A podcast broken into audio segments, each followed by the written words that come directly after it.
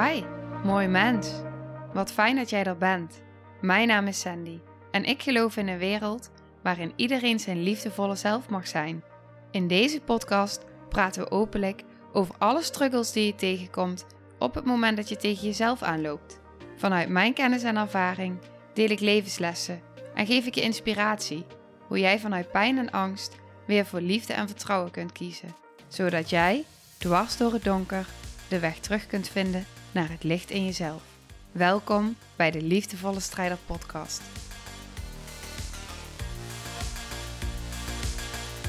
Hey, hallo, wat fijn dat je weer luistert.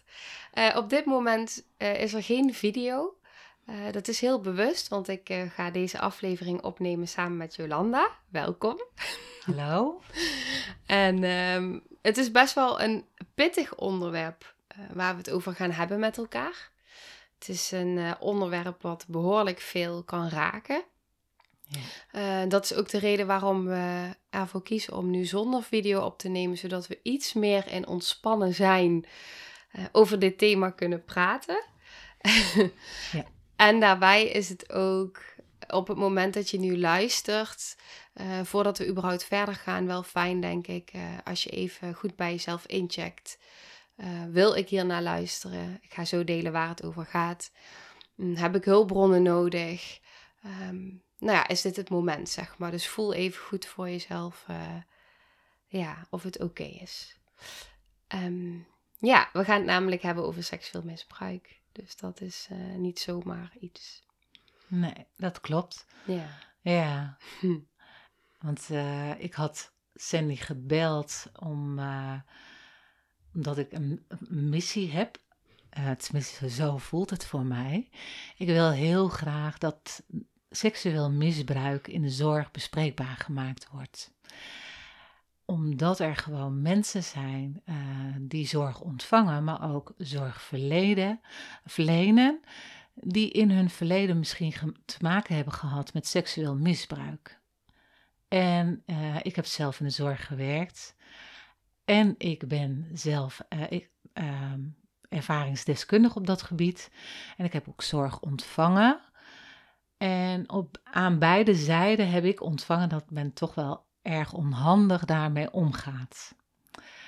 En ik wil dat zo graag bespreekbaar maken, maar ik vind het ook belangrijk dat we daar wat meer over horen. En uh, toen dacht ik van, oh, hoe mooi zou het zijn als ik mensen bel om te horen hoe zij dat ervaren hebben. Want ik heb dat zo ervaren, maar zijn er niet veel meer mensen uh, die daar ervaringen in hebben. En hoe is dat eigenlijk? En toen heb ik um, Sandy gebeld. Ja. Met de vraag of ze misschien ook uh, iets wilde vertellen over haar ervaringen daarin. En toen kwam de vraag, uh, ze moest eerst even nadenken. En toen kwam de vraag, hé, hey, maar wil je niet een podcast met mij daarover opnemen? Nou, uh, ja, dat was wel even.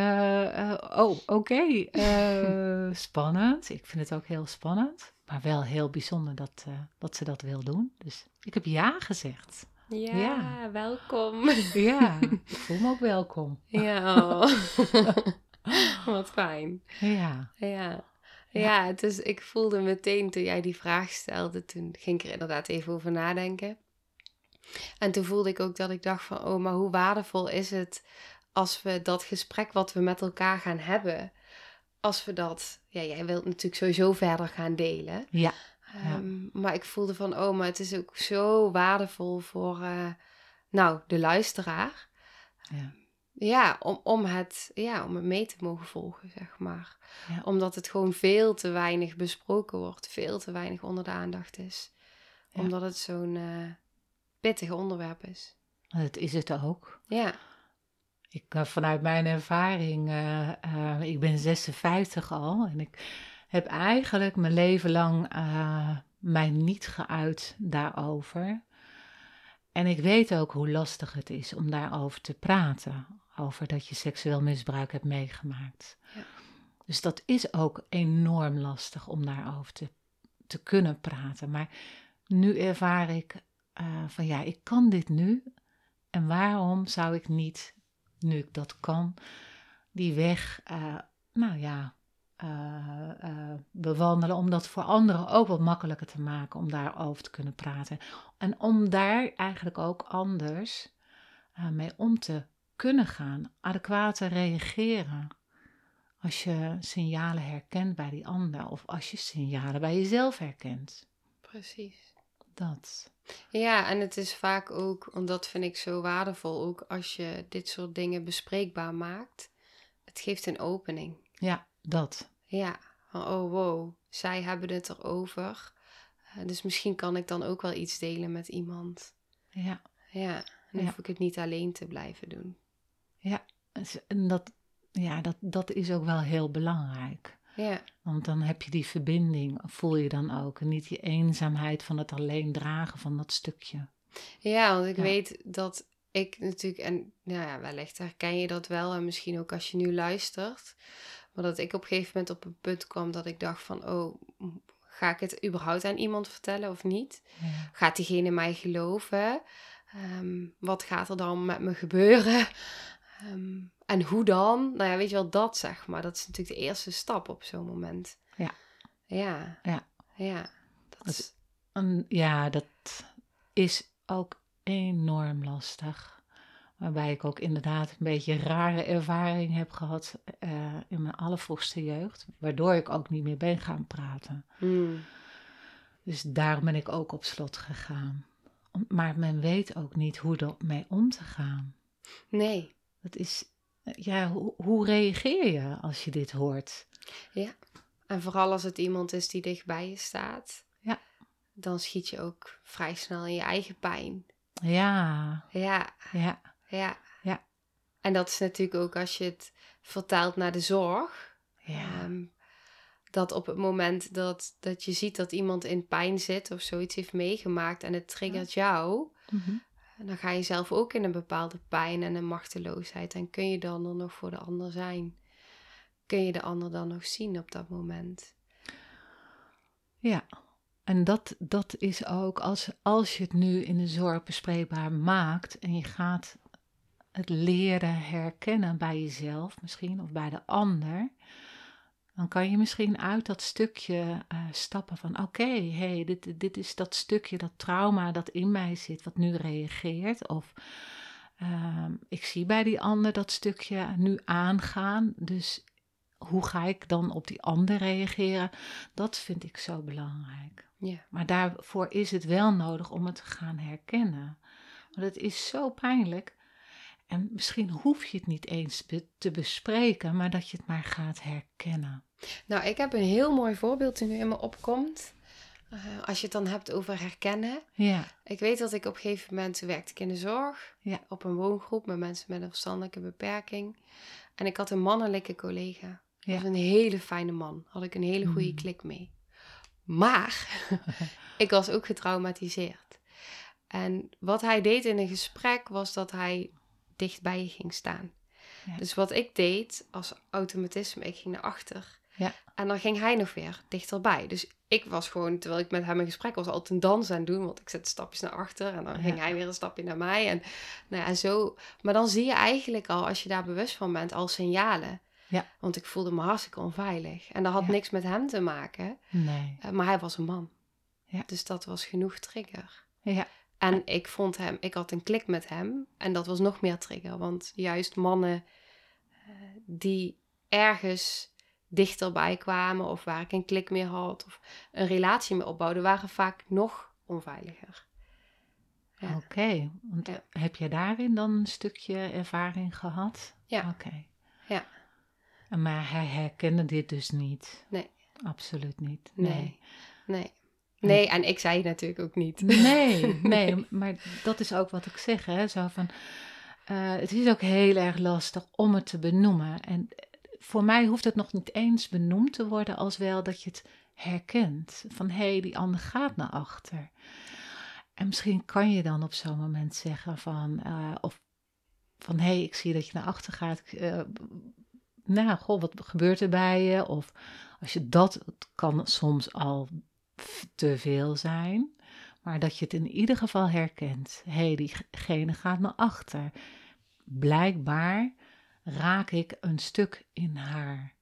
Ja. Dus laat ik zelf iets naar achter gaan. Dat is het, dat stukje wat ik belangrijk vind. Dat ze dat gaan herkennen. Dus dat je op de lichaamstaal van die ander gaat letten.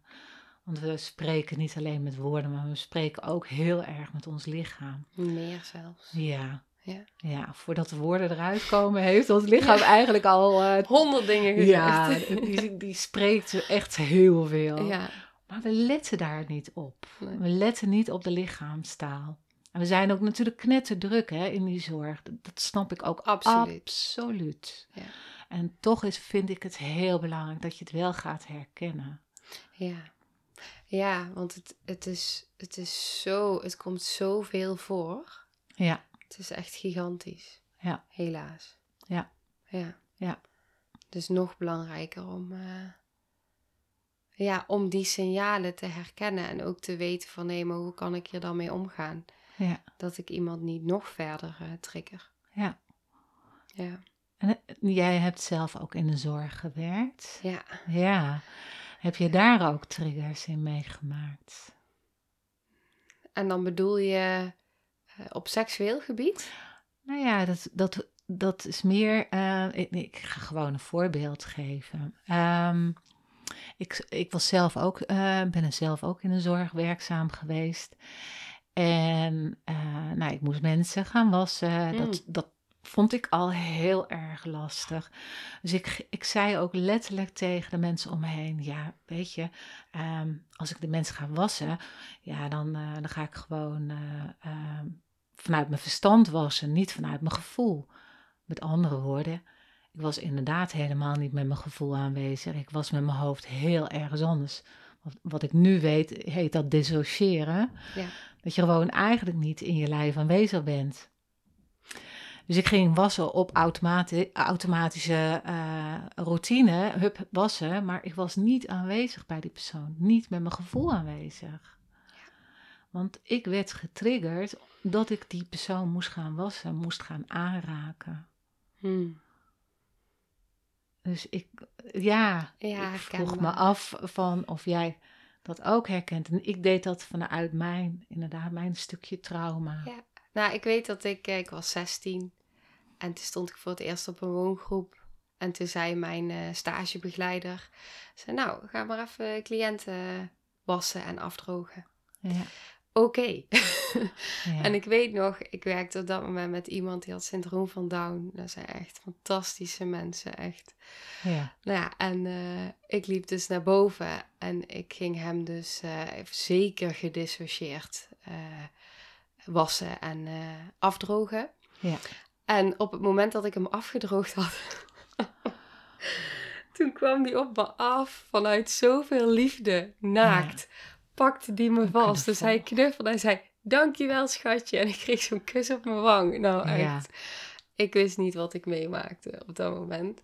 Ehm, maar ik kon wel heel erg zien van, oh, dit is zo lief bedoeld. Ja. Maar het was veel te heftig eigenlijk. Wat gebeurde er precies met je uh, op dat moment dan? Toen ja, hij ik was, gaf. Ja, compleet weg. Echt compleet gedissocieerd. En kan je dat omschrijven? Ja, dan ben ik gewoon meteen uit mijn lichaam. Dus dan, ja, het is heel moeilijk te omschrijven. Maar kan je dat moment ook echt beschrijven? Want hij knuffelt jou. Ja, Wat gebeurt er? Ja, ik bevries. En hoe, hoe, hoe is dat? Hoe voelt dat? Uh, het, ik, ik schrik. Dus een soort van shock eigenlijk. Ja. Uh, mijn lichaam bevriest ik beweeg in mijn energie al weg eruit. Ja. Um, maar het gaat heel snel. Ja. Het is instant. Dus ik kom ook heel snel terug en ik weet van, oh ja, oké, dit is liefde. Dus dan gaat mijn hoofd het weer allemaal. Maar jij kon ook wel weer heel snel terugkomen. Ja. Dat is wel heel mooi dat je dat ja. alweer kon. Ja. Herkende je dat ook zo? Van, nee. Nee? nee? toen had ik dat echt nog niet door. Nee. nee. wel echt dat ik ongelooflijk schrok. Ik denk dat ik misschien zelfs nog wel heb getrild. Oh ja. Ja. Maar dat, is, dat kan ik niet helemaal terughalen. Nee.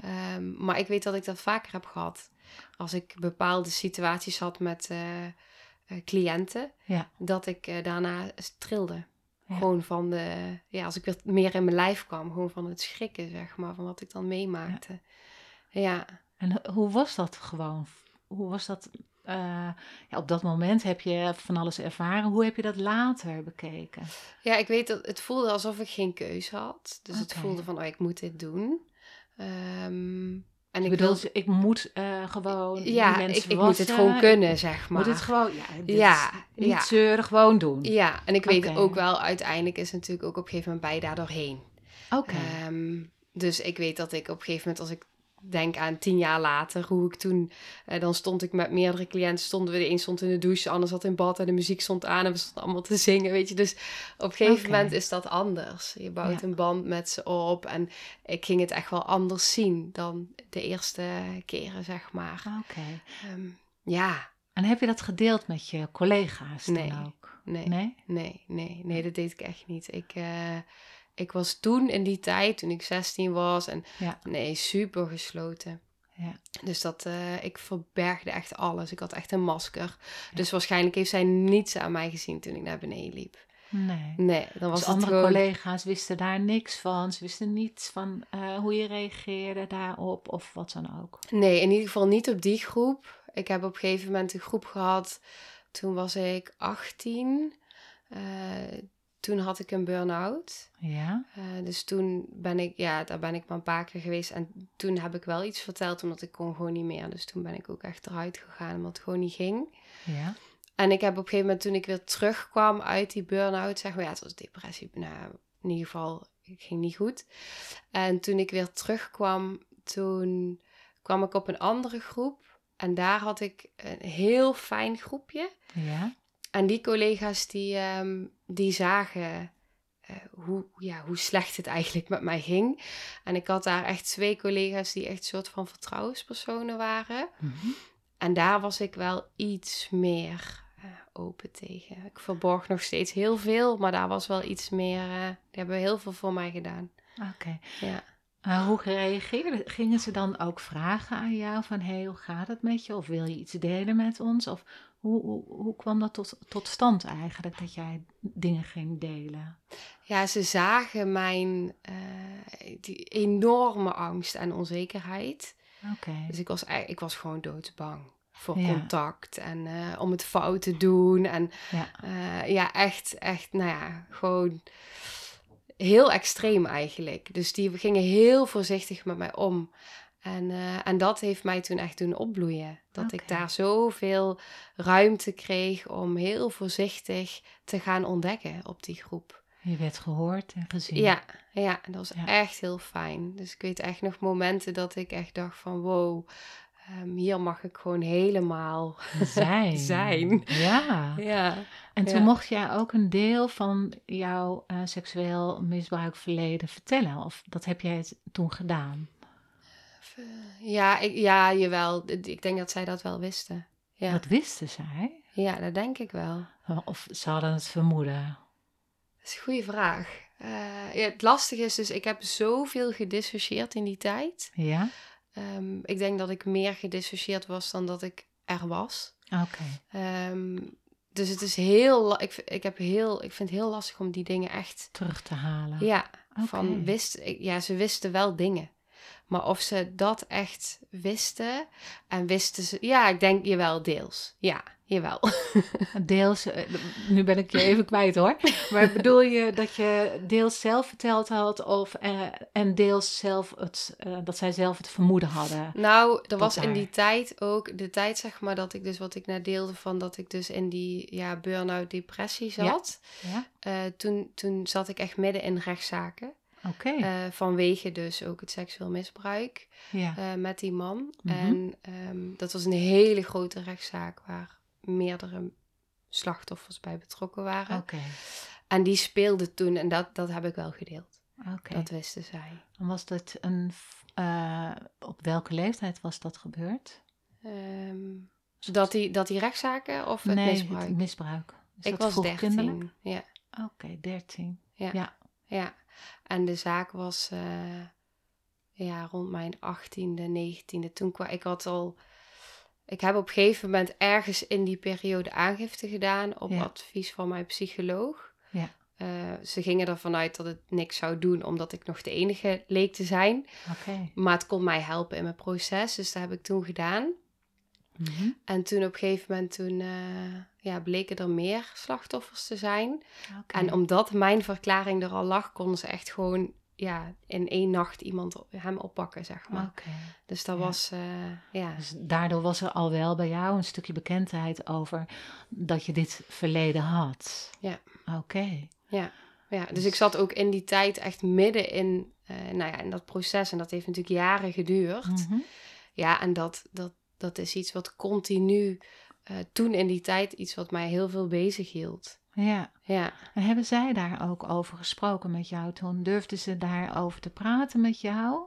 Kan je dat nog herinneren? Want je zei wel, ik ben gedissocieerd, dus dan weet je het niet helemaal. Maar kan je daar nog iets van terughalen en hoe ze daarmee omgingen? Ehm, nou, ik denk, als ik denk aan die twee waar ik het net over had, Mhm. die twee collega's. Ja, dan denk ik dat we daar wel over hebben gehad. Maar dit is Dat heel. dus nee. niet. Nee, Nee. Maar ook niet met meer mensen. Dus Nee. het was dan echt. eh, Ja, ja, ik weet dat ik met hun meer dingen durfde te delen. dat is wel heel mooi. Ja, Ja. Ja en heel helpend ook, omdat het speelde natuurlijk zo. Mhm. En mensen zagen echt, ja, je kon gewoon echt aan mij merken van, eh, ja, die, de, daar speelt echt veel. ja. En ik deed alles om het niet te laten zien, dus alles weglachen. En, maar ja, ehm, Ja. ik was heel gesloten. Dat zie je gewoon aan iemand. Ja. Dat ik al overal begon te friemelen aan mijn lijf. Als ik, eh, ja, ik kreeg echt als ik eh, iets moest delen of zo. Nou, dan zweet ik. Echt, ik kreeg gewoon een complete stressreactie als ik überhaupt iets uitsprak. Ja. Ja, ja. ja. Maar je kon toen op dat, in die periode al wel mensen wassen. Dat was voor jou al minder dat je uit je gevoel moest stappen om dat te kunnen. Ja, ik, ja. Eigenlijk denk ik, als ik terugkijk, dat ik helemaal niet bij mezelf was. Sowieso niet. Nee. En dat ik überhaupt helemaal niet in verbinding was met mijn gevoel. En dat ik eigenlijk alles vanuit mijn hoofd deed. Ja. Eh, dus dat ik er wel meer bij kon blijven. Dat ik wel in contact kon zijn met hun. Dus dat ik wel in contact was. Maar het was niet, niet in verbinding met, met mezelf. Nee. Meer vanuit je hoofd, vanuit je denken dan vanuit je gevoel. Ja, ja, Oké. 100 procent. Ja. Dus het verschil in die tien jaar was dat ik dus bij de eerste keer compleet uit verbinding ging en in shock. En nou ja, tien jaar later kon ik dansend Ja. met plezier, maar het was wel echt vanuit mijn Vanuit hoofd. Heb jij ook een periode meegemaakt waarin je wel in contact met je gevoel was en eh, een cliënt kon wassen? Heb je dat ooit meegemaakt? Nou, ik weet, ik heb één cliënt begeleid. Eh, Nicky heette hij. Ja. Hij is overleden. Hmm. Ehm, die zat in een rolstoel en was zowel lichamelijk als emotioneel beperkt. Ja. En met hem had ik echt een heel... Ja, ik had met heel veel cliënten een hele diepe band. Maar met hem ging die band nog net iets dieper, zeg maar. Mooi klinkt En- dat. Ja, dat Ja. is echt, echt Een ja, mooie heel verbinding bijzonder. volgens mij. Ja. Ja, hij kon ook bijna niet praten. Hmm. Ehm, maar hij kon dan wel je naam zeggen. Op een of andere manier leerde hij dat dan. Oké. Ja, dat was echt... En eh, ik kon op zoveel lagen met hem verbinden, zeg maar. Ja. En dat had ik altijd met cliënten. Dus ik ben wel altijd op een bepaalde manier in verbinding geweest. Eh, maar anders dan dat ik het nu ben. Is dat te volgen? Jawel. Jawel. Want ik, ik weet dat ik echt zo, eh, zoveel eh, lijnen had met die mensen. Heel vaak zeiden ze ook van, nou, er zijn altijd wel cliënten die iemand niet mogen of zo. Ja. Maar ik had dat nooit. Eh, cliënten die voelden mij en ik voelde hun of zo, zonder woorden. En misschien juist omdat ik zoveel, omdat ik zo getraumatiseerd was in die tijd. Of gewoon was. Dat ik zoveel meer kon zien, zeg maar. En op Ja. andere lagen kon eigenlijk, eigenlijk zou, ik, zou ik nu de kijker toch een beetje mee willen nemen naar jou. Weet je. Zoals je ook over uh, die, die uh, Nicky heette hij toch? Zo, nou, je begon helemaal te glanzen, te stralen. Uh, straalde heel veel liefde uit jou. Ja. Dus praten heel liefdevol over. Ja. is een hele mooie verbinding heb je met hem gehad. Ja, ja, dus ik spreek mezelf ook een beetje tegen, merk ik. Nou, nee, nee um, ik, want ik kijk even naar mezelf en dan denk ik terug aan de periode. Ik heb ook met verstandelijk beperkte mensen gewerkt. En ik was ook echt wel heel erg verbonden met hun. Ja, ja. Meer dan met andere mensen. Ja, ja. ja, misschien. Ja, nou je dat zo Anders. ja, het voelde echt als thuiskomen als ik op die groep binnenkwam dacht ik, wow, ik kan jullie zien en jullie zien mij. En Ze zijn puur, hè? Zijn, zijn ja, zo puur. Ja. Ja, dus dat was er gewoon. Ja. Ik zit nog even weer naar mezelf te kijken, want ik moest ze wel uh, dan ook weer gaan wassen. Hmm. En um, als ik nu dan terugkijk, ik had een enorme mooie verbinding met hun. Vooral ook omdat ze inderdaad zo mooi en puur zijn, zichzelf zijn. Maar toch op het moment dat ik moest gaan wassen, um, was ik wel minder in contact met mijzelf. Hmm. Als je daarna kijkt dan, dan zie je, nou, als je dan teruggaat daarna, want ik, ik zie die prachtige verbinding die je met hun had. Maar dan is dat contactmoment juist van, um, en het is het meest kwetsbare moment ook, hè? want je geeft jezelf bloot en je moet de ander gaan wassen. Waardoor je inderdaad geraakt kan worden. Hoeft niet, hè? Misschien is het helemaal niet zo hoor.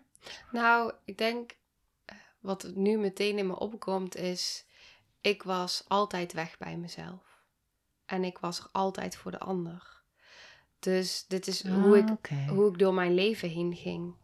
Dus ehm, ik was eigenlijk gewend om standaard. En voor de ander te zijn. Ja, dus dat deed ik gewoon. Ik was er gewoon en ik kon die ander zien, maar ik kon mezelf niet zien. Nee. Dus ik ging als ik deed alles. Ja. ja. ja. Zonder... Oh, dat is nog weer heel anders dan. Ja. ja, ik hielp wel, zeg maar. Ik, en, en als het maar, als ik er maar voor hun was, want zo stond ik erin, ja. Um, dan beteken ik iets. Um, en dan voel ik die verbinding met jou, met de ander. Ja. En ja, ik, ja, ik vond mezelf niet zoveel waard, zeg maar. Of niet zoveel, ik vond mezelf helemaal niets waard. Ehm, en ik vond mezelf wel iets waard als ik iets als betekende. Iets betekend had ja. voor de ander. Ja.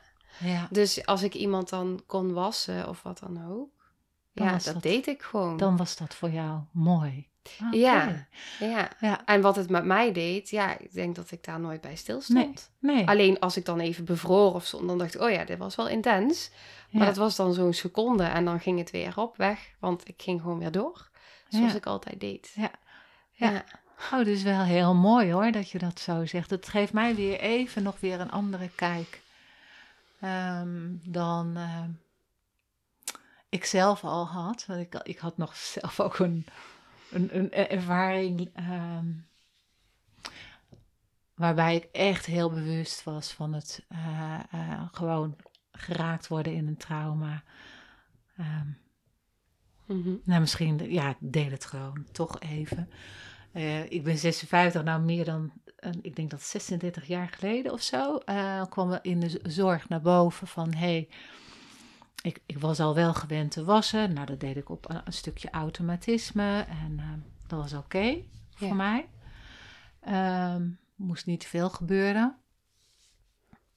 Maar uh, toen werd er ook gevraagd van ja, maar uh, het is nu heel belangrijk dat je de voorhuid terugtrekt om dat te wassen. Nou, toen ze dat van mij gingen vragen, ben ik zo bevroren dat ik dacht, ja, maar dit kan ik niet.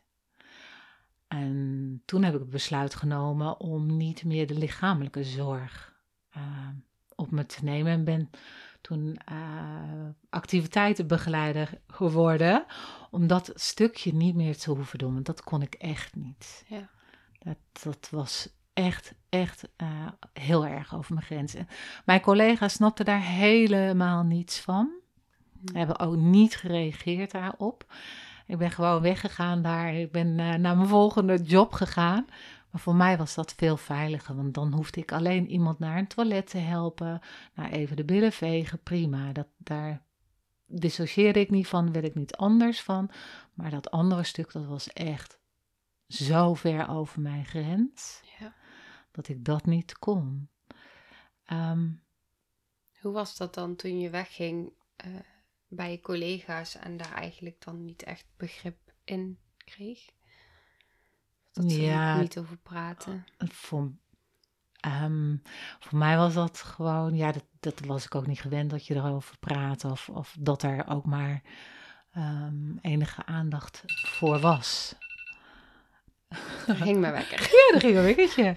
Ja. Um, nou, dat, dat, dat, nee, dat was ik helemaal niet gewend, dat daar aandacht of wat dan ook. Er werd ook niet naar gevraagd, oh, de, de reden ook niet, niks daarvan, nee. nee. En ik heb daar ook nooit bij nagedacht hoor. Hmm, nee. Voor mij was dit zo van, oké, eh, dit ga ik niet meer doen, dit, dit, kan ik, dit kan ik niet. Nee. Dit kan ik niet voor hun doen. Dat was echt over mijn grens. Ja, precies. Heb jij dat wel moeten doen ook? En heb kon jij dat? Um, ja, ik heb dat ook moeten doen. Um, en ja, ik kon dat. Oké. Um, en ik denk ook als ik daarop terugkijk dat ik dat gewoon deed. Ja. Ja, en dat ik oh, dat inderdaad ook gewoon uh, gedissocieerd deed. Ik had veel meer moeite met uh, cliënten fixeren. Uh, ik had veel meer moeite met uh, dat dingen op een bepaalde manier moesten. En dat cliënten dan voor mijn gevoel veel te weinig werden gezien. Uh, dat er te weinig tijd voor ze was. Dus daar was, dat, dat was iets wat mij heel erg bezig hield. Hmm. En ik had ook heel veel moeite met agressie, die er natuurlijk ook was. En agressie van de cliënten of van de... Oké. Ja, ja. Dus um, en dat kon ik allemaal zien vanuit hun pijn en vanuit hun gedrag. Dus dat was. Maar het deed wel iets bij mij, zeg maar. In mijn onveiligheid en triggers en traumareacties. En dat bleef ook. Dus ik had echt wel. Ehm, ja, ik heb me best wel veel onveilig gevoeld, gewoon. Ja. Ja, ja. En het stond natuurlijk daar ook. Ik, ik sliep daar ook op een van de groepen waar ik werkte, slaapdiensten. Slaapdiensten, ja. Ja. Okay. En uh, nou, mijn nachten waren sowieso uh, een, ja, onveilig. Er gebeurde van alles altijd in mij. In jou of niet, of ook met de cliënten? Uh, ja, ook met de cliënten. Ja, sowieso in mij al. Ik had altijd nachtmerries en slaapverlammingen en van alles wat er gebeurde. Maar inderdaad ook als je daar bent, ja, er gebeurden ook dingen met de cliënten s'nachts. Ja. En dat vond ik heel um, ja, ook, ook dat vond ik allemaal heel spannend. Ja. ja, Maar ik weet van, uh, omdat wij uh, wel eens vaker gesproken hebben, weet ik dat het niet alleen het, uh, het um, seksuele misbruiktrauma is, maar dat het bij jou dus ook nog meer ja. speelde eigenlijk. Zeker, ja, absoluut. En kon je daarover praten met de anderen in de zorg? Nee, nee ik, ik weet ook met mijn slaapdiensten.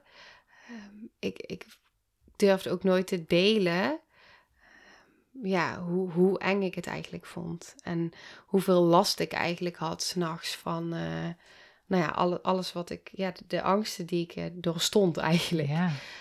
Um, ja, en, en volgens mij zei ik dan wel eens van, nou, het was niet zo'n goede nacht bijvoorbeeld of zo, weet je wel, een beetje zo... Uh... Slecht geslapen. Ja, maar echt, uh... ja, er zal vast wel af en toe een collega zijn geweest door met wie ik het deelde, maar weinig, weinig, ja.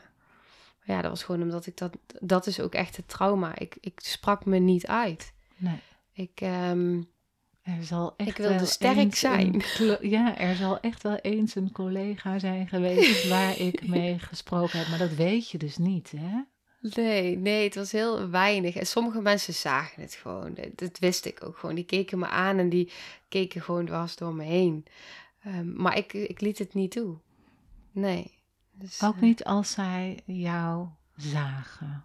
Hoe was dat voor jou als ze jou zagen? Ja, dat, er zijn echt wel meerdere collega's geweest, ook op die andere groep met die slaapdiensten, die mij echt zagen. En die hebben Oh. mij, die hebben zoveel voor mij betekend. Wat mooi. Ja, ik weet dat ik op een gegeven moment de SPH wilde gaan doen. Mhm. En dat alles in mij zei, nee, kan het niet, kan het niet, kan het niet, kan het niet.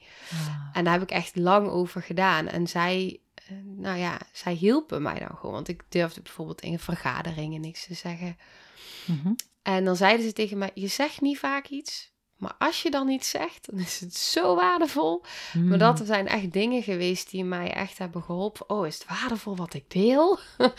ja, Grappig om dit te horen terwijl ik nu een podcast opneem bij jou. Of Ja. dat we nu een podcast ne- opnemen en dat jij degene bent die dit allemaal doet. ja, En ze uitspreekt en alles vertelt. ja, ja, dat had ik echt, ik had het echt nooit gedacht hoor. Als je mij dit eh 15 jaar geleden had gezegd. Zo. Nee, had ik echt niet geloofd. Nee. Zo- Nou, je, je vertelt wat en ik denk, oh, dat is wel heel bijzonder. Ja, Ja, ja, absoluut. maar ik vind het wel heel mooi dat jij wel gezien werd Ja. in de zorg. En dat, ze, dat er toch mensen waren, ehm, nou ja, die konden zien wat er binnen in jou speelde en die jou steunden. Ja, absoluut. En dit Ja. is wel heel mooi hè, en heel belangrijk. Ja, ik denk dat iedereen die in de zorg werkt, nou, dat, dan ben ik het een beetje aan het generaliseren. Maar Ja? veel mensen die in de zorg werken, die voelen eigenlijk zoveel.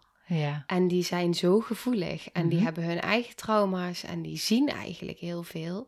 Alleen door nou, hoe het systeem in elkaar zit, Ja? is er gewoon te weinig ruimte om, Ja. eh, om daar ruimte aan te geven. Om de ander te kunnen zien. Om, of nou een collega is of een cliënt. Want je zit in een doorgaan maar doorgaan modus. En er wordt zoveel gevraagd.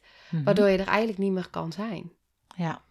En dan is het ook heel moeilijk om nou ja, het te hebben over, over dit soort thema's met elkaar. Want wanneer Ja. ga je daar onderwerp dan aan? Ja. Kijk, op die, op die groepen hadden wij een slaapdienst. En dan droeg je de dienst over. En dan dronk je even een theetje. In eigen tijd overigens. Ja. Eh, Ja. een theetje met elkaar. En iedereen deed dat gewoon. Je bleef gewoon, ook al was het in eigen tijd, omdat het, omdat het zo nodig is om überhaupt de dienst over te dragen. Ja. Eh, maar ook om even elkaar te zien. Ja. Ja, maar het werd eigenlijk onmogelijk gemaakt. Maar spraken jullie dan ook elkaar, als, zei je dan ook van, goh, wil je wat met mij delen of zoiets? Of, Ja, het was altijd even een kopje thee van hey, hoe gaat het? Hoe was, hoe was het hier op de groep? En ja, ja, het is natuurlijk maar net eh, met wie je zit. eh. hoe het dan gaat. Ja, maar we hadden ook eh, twee diensten op één groep. Dus als je dan samen een Mhm. dienst had, dan had je ook momenten dat je elkaar gewoon tegenkwam. Ja. Dat is fijn. Ja. Ja. Nou weet ik dat eigenlijk één op de vijf vrouwen seksueel misbruikt is. Ja. Ehm, je vertelt dat jij daar zelf dus die ervaring in he- hebt gehad. Ja. Ehm, heb jij ook eh, collega's om je heen gehad die zichzelf daarover uiten dat zij die ervaringen hebben gehad? Nee. Geen Nee. enkele. Nee. Oké. Ik weet wel eh, dat ik een collega had. eh, dat op een gegeven moment, toen kwam ze, ik deed alles om te verbergen dat ik mezelf pijn deed. Echt alles. En er was een moment tijdens het afwassen waarin ze iets zag op mijn arm en ik meteen mijn shirt eroverheen deed. En toen kwam ze eh, heel lang daarna, eh, liet, ze, liet ze zien dat ze ook wel eens op een andere manier. Ja? ehm, toen dacht ik, oh wow, er zijn meer mensen die dus Oké. maar met seksueel misbruik, ehm, nee, er komt niks naar boven. Niet. Nee, er komt niks naar boven waarbij ik eh, denk van... hé, hey, er is een collega geweest die... eh, Die dat met jou deelde. Zodat je... Nee, ik heb wel ooit een psycholoog gehad. Ja? En dat was, nou, volgens mij een van mijn... Nou, niet mijn eerste, maar toen was ik ook nog jong.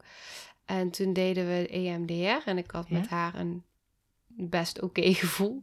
Ja. En zij zei toen met heel weinig woorden, maar ik pikte hem er meteen feilloos uit dat zij ook zo'n ervaring had gehad.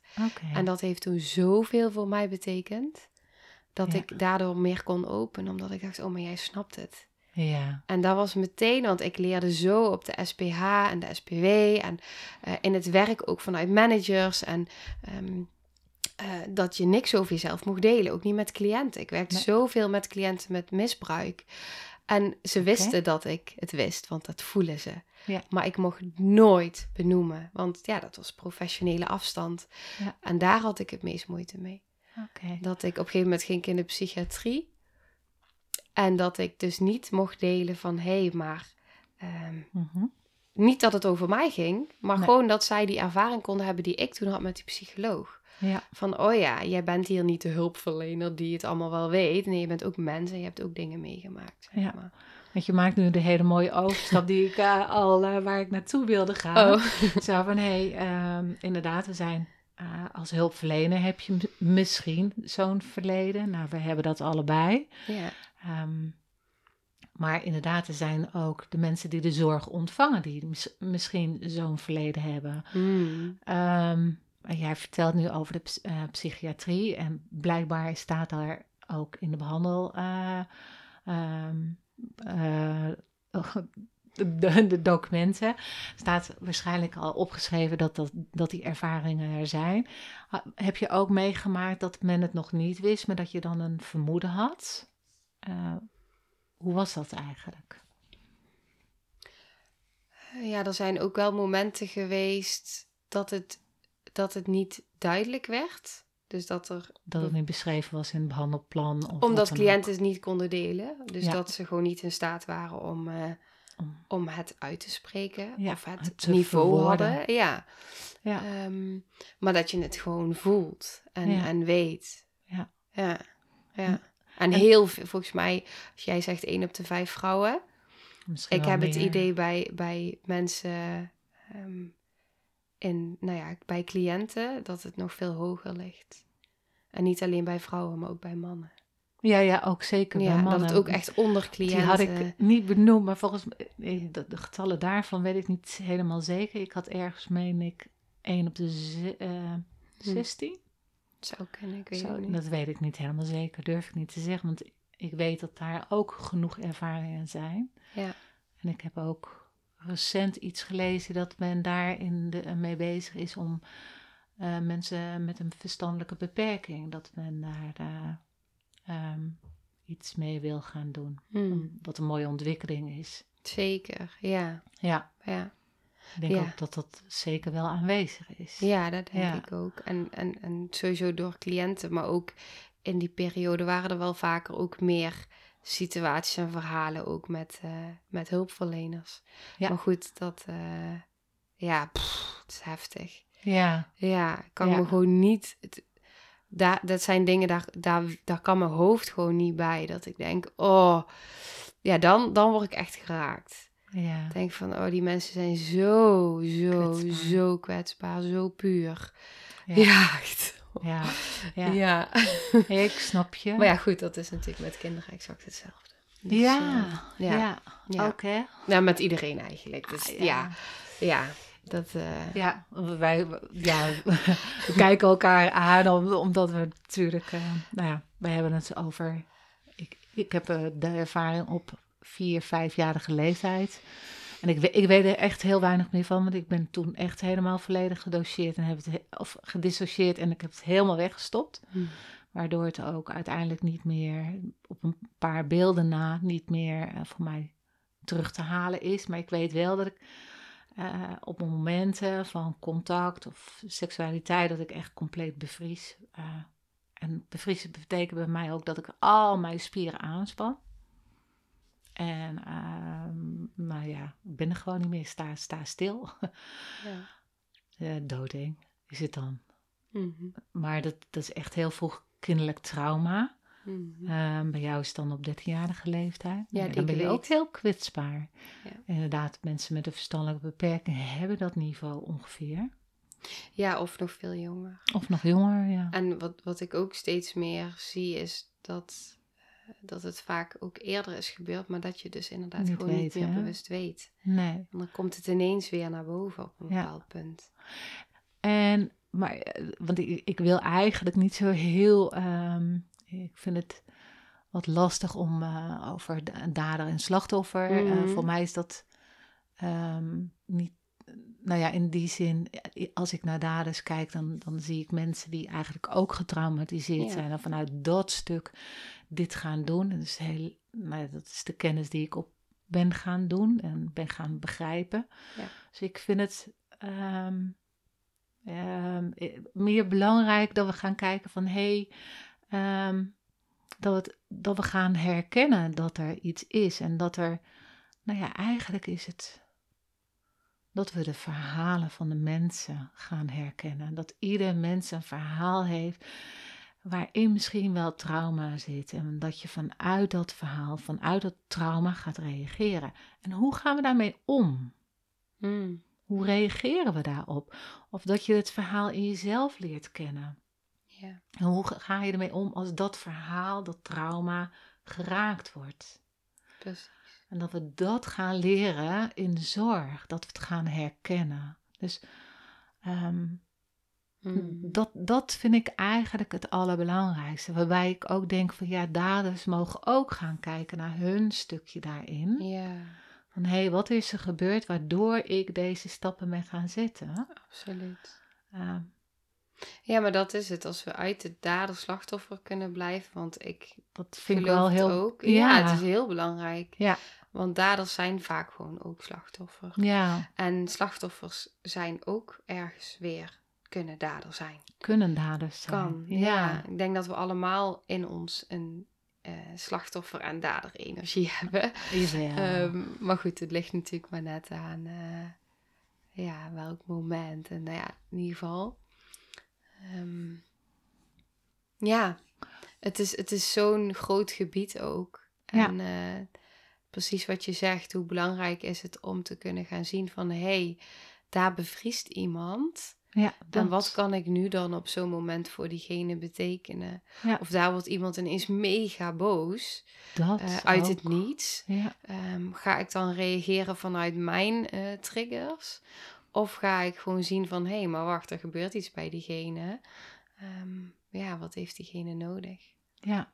Ja ga want, want, daar ben ik ook zo nieuwsgierig naar. Van, want inderdaad, als jij misbruikt bent en je wordt enorm boos. Van, hey, flikker op. Uh, je snapt toch wel dat ik dit niet wil? Of, uh, want sommigen kunnen ook assertief zijn. Hmm. want dan heb ik het over mensen die uh, nu even, die niet verstandelijk beperkt zijn, maar wel agressief kunnen reageren. Maar wel vanuit die ervaring ook. Van hé, hey, die pik ik niet. Ik zal nooit vergeten het verhaal van een vrouw die, die um, uh, inwendig onderzoek moest hebben. En er moest van alles gebeuren. Er staan meerdere mensen omheen. En die gaan daarover praten terwijl zij daar met de benen zo ligt. En dat ze echt heel boos werd op die arts. En dat zei van, ja hallo, uh, ik ga toch ook niet, uh, uh, we gaan toch ook niet met z'n allen daar over jou mm. gebeuren zitten praten terwijl jij daar zo ligt. En dat de arts echt nou, helemaal verbaasd was en niks ervan snapte. Ja, bizar hè? Maar zij was zo boos. Ja, dat snap ik wel. Vanuit een trauma, zo van hallo, ik lig hier, ik voel me heel onveilig. Ja. Zie mij, dit wil ik niet. Dus die gaat alle grenzen over. Ja, maar dat is ook. En die snapte ik. Ja, ik ook. Die snapte ik volledig. Maar zij was zo assertief dat ze er wat van zei. Ja. Alleen die arts was overrompeld daardoor. Mm. Uh, omdat hij het niet herkende. Ook niet ernaar vroeg of wat dan ook. Dus niet daarmee leerde om, eh, had geleerd om te gaan. Of daar het inzicht in had. Ja, ik heb het bijvoorbeeld in mijn, uh, in mijn bevalplan. Heb ik het in laten zetten. Oké, okay. oh wat mooi. Ja. Dat ik, ja, en ook, ik heb ook echt gezegd, um, probeer er alles aan te doen dat er geen man aan mijn bed komt te staan, want ik weet niet hoe ik reageer. Oh. Ehm, en bespaar het me alsjeblieft als het kan. En hoe is dat gegaan? Uh, uiteindelijk heeft er wel een man bij gestaan. ja, uh, bij de keizersnee. Nou, ik was uh, zo ver weg onder de medicatie op dat moment. En, Want jij hebt een keizersnee gehad? Uiteindelijk, ja. En tot die tijd is er geen man bij geweest. Oké. Maar bij de keizersnee wel. Ja? En ehm, ja, mijn lichaam heeft daar wel een trauma aan overgehouden. Ja? Dat- ja, ja, ja. Daar ben ik nu achter. Hoe, hoe heb je dat gewerkt dan? Ehm, ik, ehm, ik, ik merk, zeg, ik heb van de week nog een moment gehad. Toen ehm, kreeg ik heel veel verdriet. Oh ja, En toen voelde ik mijn keizersnee eh, heel sterk. eh, trekken. ja, Ja. toen ben ik er met mijn aandacht naartoe gegaan. En eh, ja, toen heb ik dat gevoeld. En toen heb ik de hele middag moeten overgeven. En het was echt heel diep wat er loskwam. Ja. Dus er zijn allemaal van die, van die momentjes, ook tijdens sessies en zo, dan komt het ineens weer naar voren, zeg maar. Ja. En in eerste instantie dacht ik van, nou, ze hebben goed naar me geluisterd. En Ja. ehm, ze, ze hebben echt zoveel mogelijk, en dat hebben ze ook echt gedaan. Maar nog steeds, ze zijn, ehm, nou, ze stonden met allemaal mensen, hebben mijn buik opengesneden. Ja. Ze heb- zijn ook inwendig geweest eh, op dat moment. Mhm. Ja, en mijn lichaam doorstaat het gewoon allemaal. En ik was natuurlijk, eh, ik was er wel bij, maar ook niet helemaal, zeg maar. Nee. Dus, Maar eh, kon je je wel ontspannen?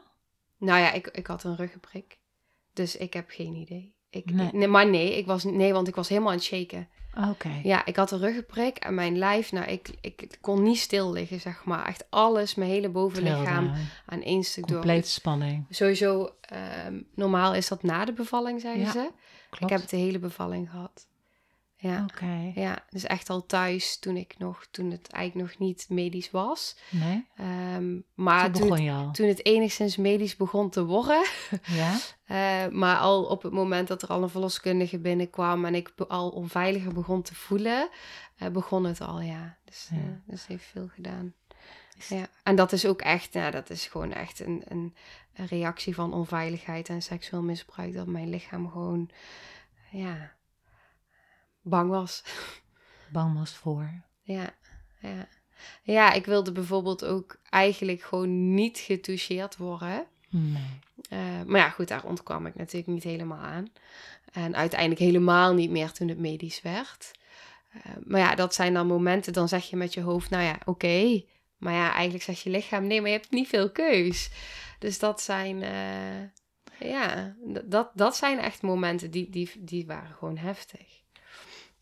Ondanks dat het Ja. met zoveel beleid gaat. Want ze zeiden echt van, nou, we gaan nu, we gaan nu dit doen. En heel veel zachtheid erin. Maar ja, Klinkt wel heel mooi. ja, ja, Dat ze wel heel erg hun best hebben gedaan. zeker. Ja. Ja. Maar dat zijn van die dingen. Dus het is natuurlijk heel anders als er inderdaad allemaal mannen om je heen komen staan. En je hebt die ervaring en ze gaan super snel gewoon. Ja. En jij ligt daar. Dat is het voorbeeld wat jij net gaf. En ze Ja. staan daar. Ja. eh, dat, dat is bij mij niet zo geweest, maar nog steeds. Eh, ondanks dat het dus in die zin heel positief was hoe ze met me omgingen. Ja, was het echt wel eh, ja, triggerend. Ja. En was dat ook omdat jij eigenlijk de controle moest loslaten over. Nou ja, je hebt waarschijnlijk een grote wens gehad hoe je het graag had willen Mhm. laten zijn, die bevalling. Ja. Eh, maar dat dat echt heel anders moest gaan. En wat jij in je dromen had ehm, Ja. gewild. Ja, er speelde heel veel mee. En wat uiteindelijk mij heel erg heeft geholpen, dat was heel fijn. Toen heb ik een baarmoedersessie gehad. Eh, daarna nog. Ja, En wat zo fijn was, was ik kon dus heel, heel diep naar binnen gaan en voelen van, hé, hey, hoe is het in mijn baarmoeder? Nou, dat was heel fijn. Ja. Eh, helemaal, ja, om het een beeld te geven, alsof het helemaal eh, warm was en, en licht en kleurrijk en gewoon, ja, heel fijne plek. Ja. En in die reis ging ik dus lager, dus door mijn baarmoeder heen, zeg maar, richting, nou ja, de andere plek eh, waar dus trauma zit. Ja. En dat, dat veranderde. Dus heel dat beeld wat helemaal roze en warm en nou ja, zo was, werd eh, ja, donker en terror en pijn en nou, ze had gewoon Ja. trauma. Ja. En dat was wel helpend achteraf omdat ik toen dacht, oh ja, maar daar heeft mijn kind niet doorheen gehoeven. Hij is uit mijn baarmoeder gehaald. Ehm, maar er zat heel veel, er ging zoveel aan bij mij. Omdat ik ook dacht, ja, ehm, is het mijn schuld? En kan ik het niet? En ja, echt van alles wat er dan geraakt wordt. ja. Ja. is dat, dus daar heb ik heel veel werk op gedaan de afgelopen maanden.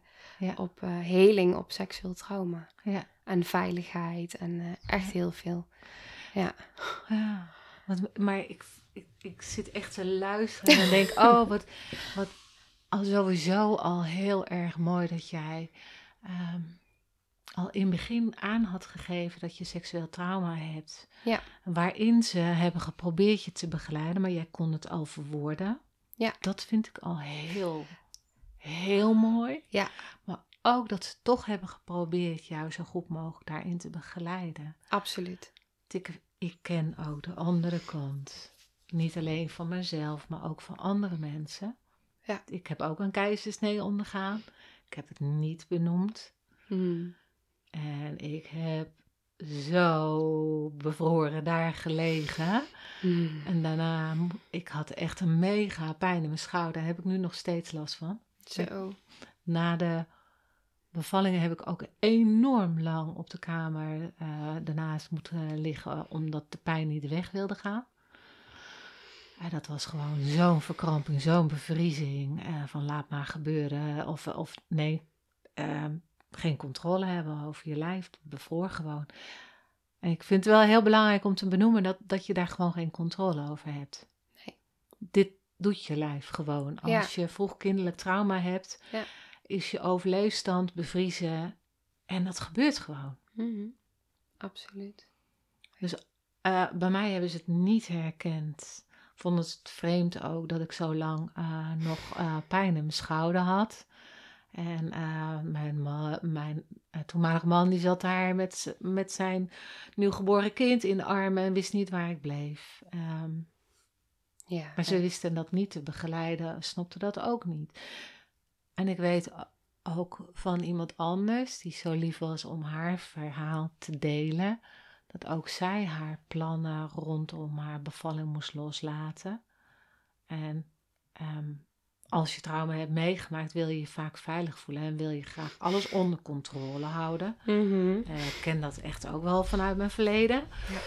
Ehm, dus wil je ook graag dat die bevalling zo gebeurt zoals jij dat ingepland hebt. En dat moest ze loslaten. Ook zij moest een keizersnee ondergaan. Ja. En ehm, wat ik begreep uit haar verhaal is dat dat nu nog steeds haar parten speelt. Ze heeft het kindje nog niet zo heel erg lang. Maar ze vindt het heel lastig ehm, dat ze daar eh, nu nog steeds last van heeft. Hmm, het eigenlijk een keertje na gewoon iets. iets... omdat ze ehm, eh, opnieuw haar veiligheid werd. Ja. Uh, ze voelde zich opnieuw helemaal onveilig. Ze moest alles gaan loslaten. En je voelt je veilig als je het kan vasthouden, als je het alles onder controle hebt. Dat is echt traumatiserend. Maar ook, ja, maar ook, ja, dat is het zeker. En natuurlijk Ehm, voel je je in de ruimte? Uh, heb je het gevoel dat je gedragen wordt door de mensen die er zijn? Dat het, of dat je het toch alleen moet doen. Dat ze eigenlijk niet zien, want zo voelde het achteraf, dat. ze eigenlijk niet zien hoe onveilig ik me voelde. Ondanks dat ze het natuurlijk weten. Dat had je, en dat, dat gevoel had jij nog wel. Ja, en dat Ondanks dat ze zo hun best deden. Ja, ja, ja, zeker. Ja, ja, absoluut. Ja. Oké. Maar dat is het, hè. Je kan heel erg hard je best gaan doen. Als je dan kijkt naar de zorg. Je kan heel hard gaan helpen. En je kan zorgen om alles maar te fixen. Maar als je niet aanwezig bent vanuit een bedding en vanuit veiligheid en dat je in verbinding bent met jezelf, hoe kun je dan de ander die in een bepaald proces zit of die moeilijk heeft, hoe kan die zich dan veilig voelen bij jou? En misschien wel hoe onveiliger de ander zich voelt, hoe machtelozer jij wordt vanuit je hulpverlenersrol. En hoe nog harder je de ander wil gaan helpen. En hoe nog meer de ander alleen is. En dat is wat ik zo vaak heb meegemaakt uh, als cliënt. Ja. Um, op zoveel plekken. Um, en, en dat is ook eigenlijk best wel um, verdrietig. Ja. ja, en eenzaam. Is het ook. Ja, want je bent eigenlijk gewoon alleen met je pijn. Ja. Ja. ja. En dan is het bijzondere dat we beide met ons verleden zorgverlener zijn geweest. Niet in contact met onszelf. En toch die ander keihard willen helpen. Mhm. Ja. En we hebben de andere kant ervaren van hoe dat dan voelt. Ja. Als je zo iemand naast je hebt. Ja, absoluut. Ik weet hoe machtelozer ik me kon voelen als hulpverlener. Ja. Ja, hoe meer je wil gaan doen. Ja. En nu weet ik, heel veel jaar later, het zit hem totaal niet in het doen. Nee. Nee, het zit hem in het zijn. Ja. En dat is zo'n groot verschil. Ja. Ja. En daarbij moet je eigenlijk in contact zijn met je gevoel. Ja. Met, Ja. je, met jezelf, met je lijf. Mhm. En dat is wat ik zo graag wil. Ja. Dat mensen gewoon in contact komen met hun lijf. Dat ze snappen hoe het, Mhm. wat, wat er in hun lijf speelt. Wat ze voelen. Ja, want hetzelfde met die ervaring die je net deelde van die, die vrouw die net moeder is. Ja, Als er iemand naast haar was gaan zitten en had gezegd van zo, alle controle verliezen en poh, wat is dat, wat is machteloos wat je voelt. En weet Wat dat ik hier naast je zit, hè? Ik ben er. ik Ja, weet. ik ben dat, er gewoon. dat weet ik dus niet, maar ik, ik vermoed dat- inderdaad dat dat niet gebeurd is. Want, Nee. En dat, dat, dat, ja, Wow, ja, toch? ja. Als je dat kan, Ja. als hulpverlener, gewoon er zijn. Maar dan moet je dus zelf die pijn aan kunnen kijken. Ja, Ja, want anders dan ga je in je hoofd, dan ga je... ja, Er is geen goed of fout.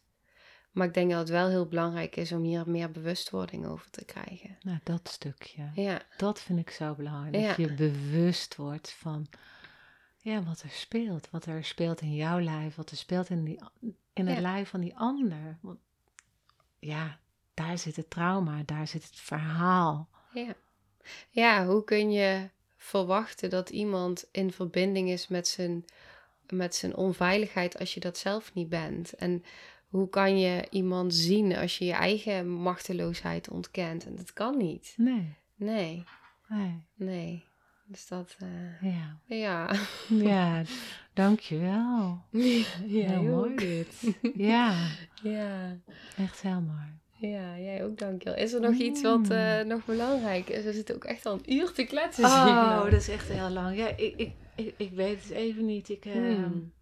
Ik vond het zo mooi dat we inderdaad vanuit de ervaring, vanuit zorgverlener zijn naar zorg ontvangen kwamen. En dat we ehm, van daaruit, uit, uit die beide ervaringen konden, nou ja, begrijpen hoe belangrijk het is om gewoon je gevoel te volgen en daarna te luisteren. Maar daarvoor is het dus ook heel belangrijk dat je je eigen verhaal, dat je je trauma gaat herkennen. Want van daaruit kan je dat trauma in die ander herkennen. Ja, precies. En dan kan je er zijn voor die ander. Ja, en voor jezelf. En voor jezelf, want die is ook belangrijk. Ja, vanuit jezelf voor de ander. Ja, Ja, ja. ja. Mooi, Ja. mooi. Ja, waar eh, kunnen mensen jou volgen als ze, jou, eh, als ze het interessant vinden wat jij allemaal aan het neerzetten bent? Ja, nou, ik, eh, ik ga nog een nieuwe website opzetten, maar dat, dat komt er nog aan. Mhm. Ehm, maar voor nu ben ik te volgen op mijn website www.jolandapol.nl. We zullen hem er ook onder zetten hoor, Ja. sowieso. Ja. Ehm, ik heb ehm, Facebook en dat is ook op de naam Jolanda Pol. Instagram ook Jolanda Pol, maar dan met een eh, underscore ertussen. Jolanda underscore Pol. En ehm, ik ben, zit ook op LinkedIn onder mijn naam. En ehm, ja, je Ja. kunt mij eh, mailen. eh, het liefst mailen naar post aan jolandapol.nl.